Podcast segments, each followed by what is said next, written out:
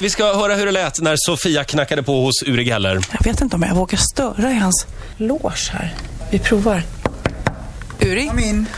Hi! Hey! Sofia! Oh my goodness, you're Sophia. You're the the presenter Ah. Yeah, of the I'm show. the Swedish presenter. You're actually a- together with Klaus. Yeah, and you're very beautiful. I'm very Oh. impressed. Yeah, and I am so impressed about you. I read Thank so you. much about you. It was 37 years ago. Yes. You were here in Sweden and you really made a mark. I'll never forget that uh, d- day. It was one of the biggest TV shows I have ever done. I didn't realize that it was, I think, the only channel then. So everybody was watching. Yeah. I was given a spoon. I looked into the camera and I said, You people at home, get a spoon and get broken watches.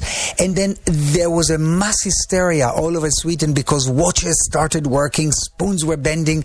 And the next day, it went, the news went all around the world. Yeah. But just between you and me, how do you do it? Look, I'm a mystifier. I mystify people, and um, I believe that we all have certain talents and gifts, you know, in the arena of mind power.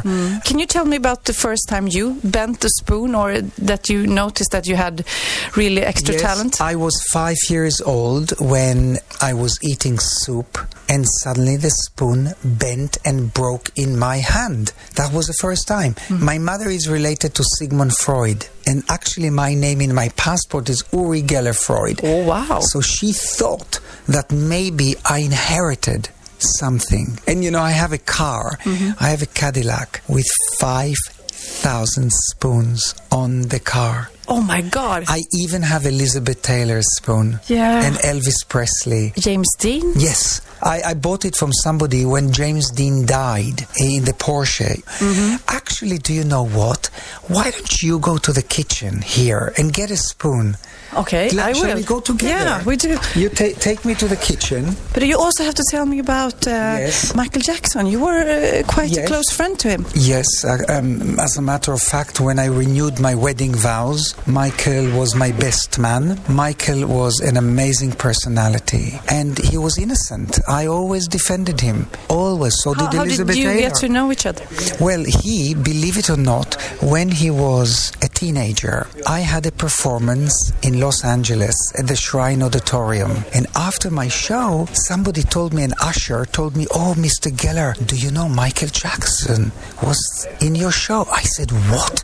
Oh, gosh, why didn't I meet him? Anyhow, many years later, I was in the house of uh, Mohammed Al Fayed. Suddenly the phone rings and it was Michael calling Mohammed from New York. And Mohammed says, Oh, Michael, hi. Look, do you know who is sitting next to me? It's Uri Geller. And I heard Michael scream, Uri Geller. And he gave me the phone, and that's how our friendship started. I flew to New York and I met him, and I designed his last album. Okay, now I'm gonna. Hello, everyone. You want to see me bend the spoon? Come here. Come on, it's worth coming.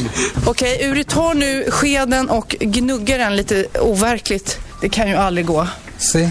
Ja, Uri har alltså nu böjt en sked och det tog ungefär 15... Nej, 5 sekunder kan man väl säga. You see, Sophie, look, Ja, it's still going in your hands. Hold it. ja, And this is from the kitchen, right? ja. So, This is very strange. Uri, uh, we have to prepare ourselves for, Okay. the, for the show now. What, what are you gonna wear? what Canal 5 wants me to wear, a, a suit, you know? A suit, Oh, okay. Usually I, am Uh, I'm kind maybe of... you can. Uh, could you come to my dressing room? To yeah, I'm going to show you some dresses. Absolutely. Let's go. Ja, Ja, Sofias Och sen- förs- första möte med eh, Uri Geller alltså jag var det stängde här. av bandspelaren där när vi Ja. gick till min loge. Ritzemorgon